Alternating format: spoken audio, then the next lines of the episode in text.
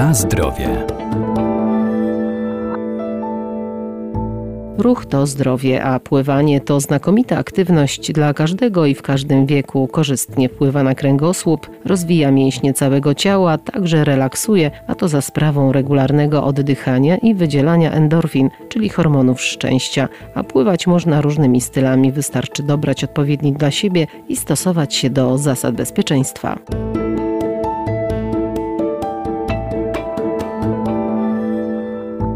Rekreacyjne pływanie ma pozytywny wpływ na nasze zdrowie. Może pełnić funkcję profilaktyczną i rehabilitacyjną, bo podczas wszelkiego ruchu w wodzie angażujemy niemal wszystkie partie mięśni. Walory zdrowotne pływania są znane od dawna.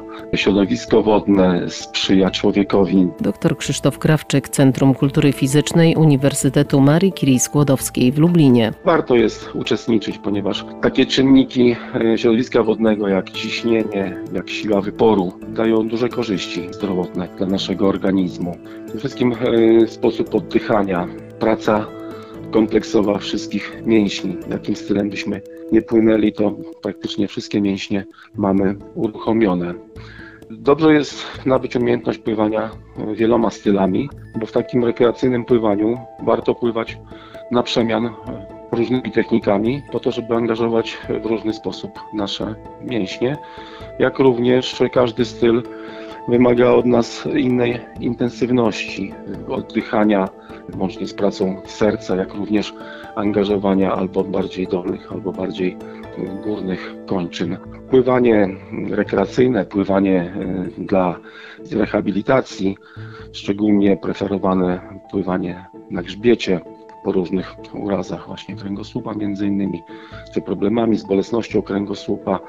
Taka pozycja komfortowa, gdzie właśnie jeszcze poprzez wyciągnięcie na przemian ramion w tył daje nam e, właśnie taką możliwość, można powiedzieć nawet mimo zaangażowania e, mięśni, odpoczynek.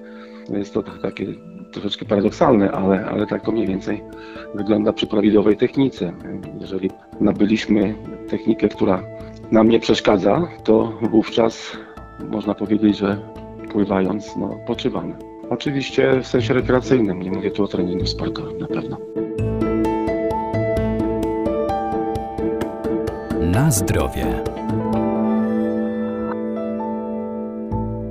Pływać można różnymi stylami, a jak się do tego przygotować? Przede wszystkim trzeba pływać. Tutaj wcześniej dla rekreacji, ćwiczenia siłowe czy bieganie na pewno można wspomagać. Na pewno wszelkie działania rekreacyjne w sensie e, kształtowania wydolności tlenowej, na przykład e, spacery, marsz Nordic Walking, truchtanie, jazda na rowerze będzie tutaj wspomagała e, nam właśnie te zdolności. No bo, w przepływaniu kształtujemy w dużym stopniu tą wydolność tlenową w rekreacji, ale dobrze też, jeżeli mamy już jakiś potencjał związany właśnie z naszym pułapem tlenowym i wtedy nam się łatwiej, można powiedzieć, oddycha pływając. Mamy cztery style pływackie.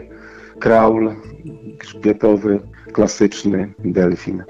W dwóch stylach y, praca na przemian stronna nóg i ramion, czyli kraul i grzbietowy, natomiast mamy też styl klasyczny, gdzie praca i charakterystyka pracy kończyn dolnych górnych jest nieco inna, bo one pracują razem, wspólnie. Podobnie jest w delfinie na przemian, ale na początku ręce, później nogi. Warto umieć pływać wszystkimi stylami. Ten delfin jest najtrudniejszy, wbrew pozorom, dla tych, którzy się uczą pływać. Później jak się nauczą, to się wydaje, że e, nie jest to trudny styl, natomiast jest trudniejszy energetycznie, bo jednak zaangażowanie mięśni w pracę w tym stylu jest dużo większe, ale pływanie tym stylem jest również przyjemne. Natomiast no nie jest e, tak do końca rekomendowany do rehabilitacji, do fizjoterapii, ponieważ tutaj mocna praca mięśni grzbietu, szczególnie w odcinku lędźwiowym, nie zawsze sprzyja różnym schorzeniom. Natomiast bardzo polecany jest styl grzbietowy.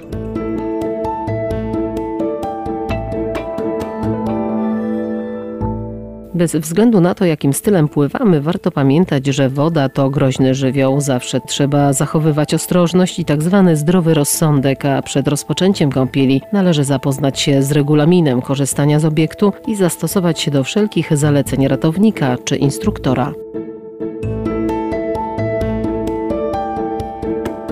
Na zdrowie.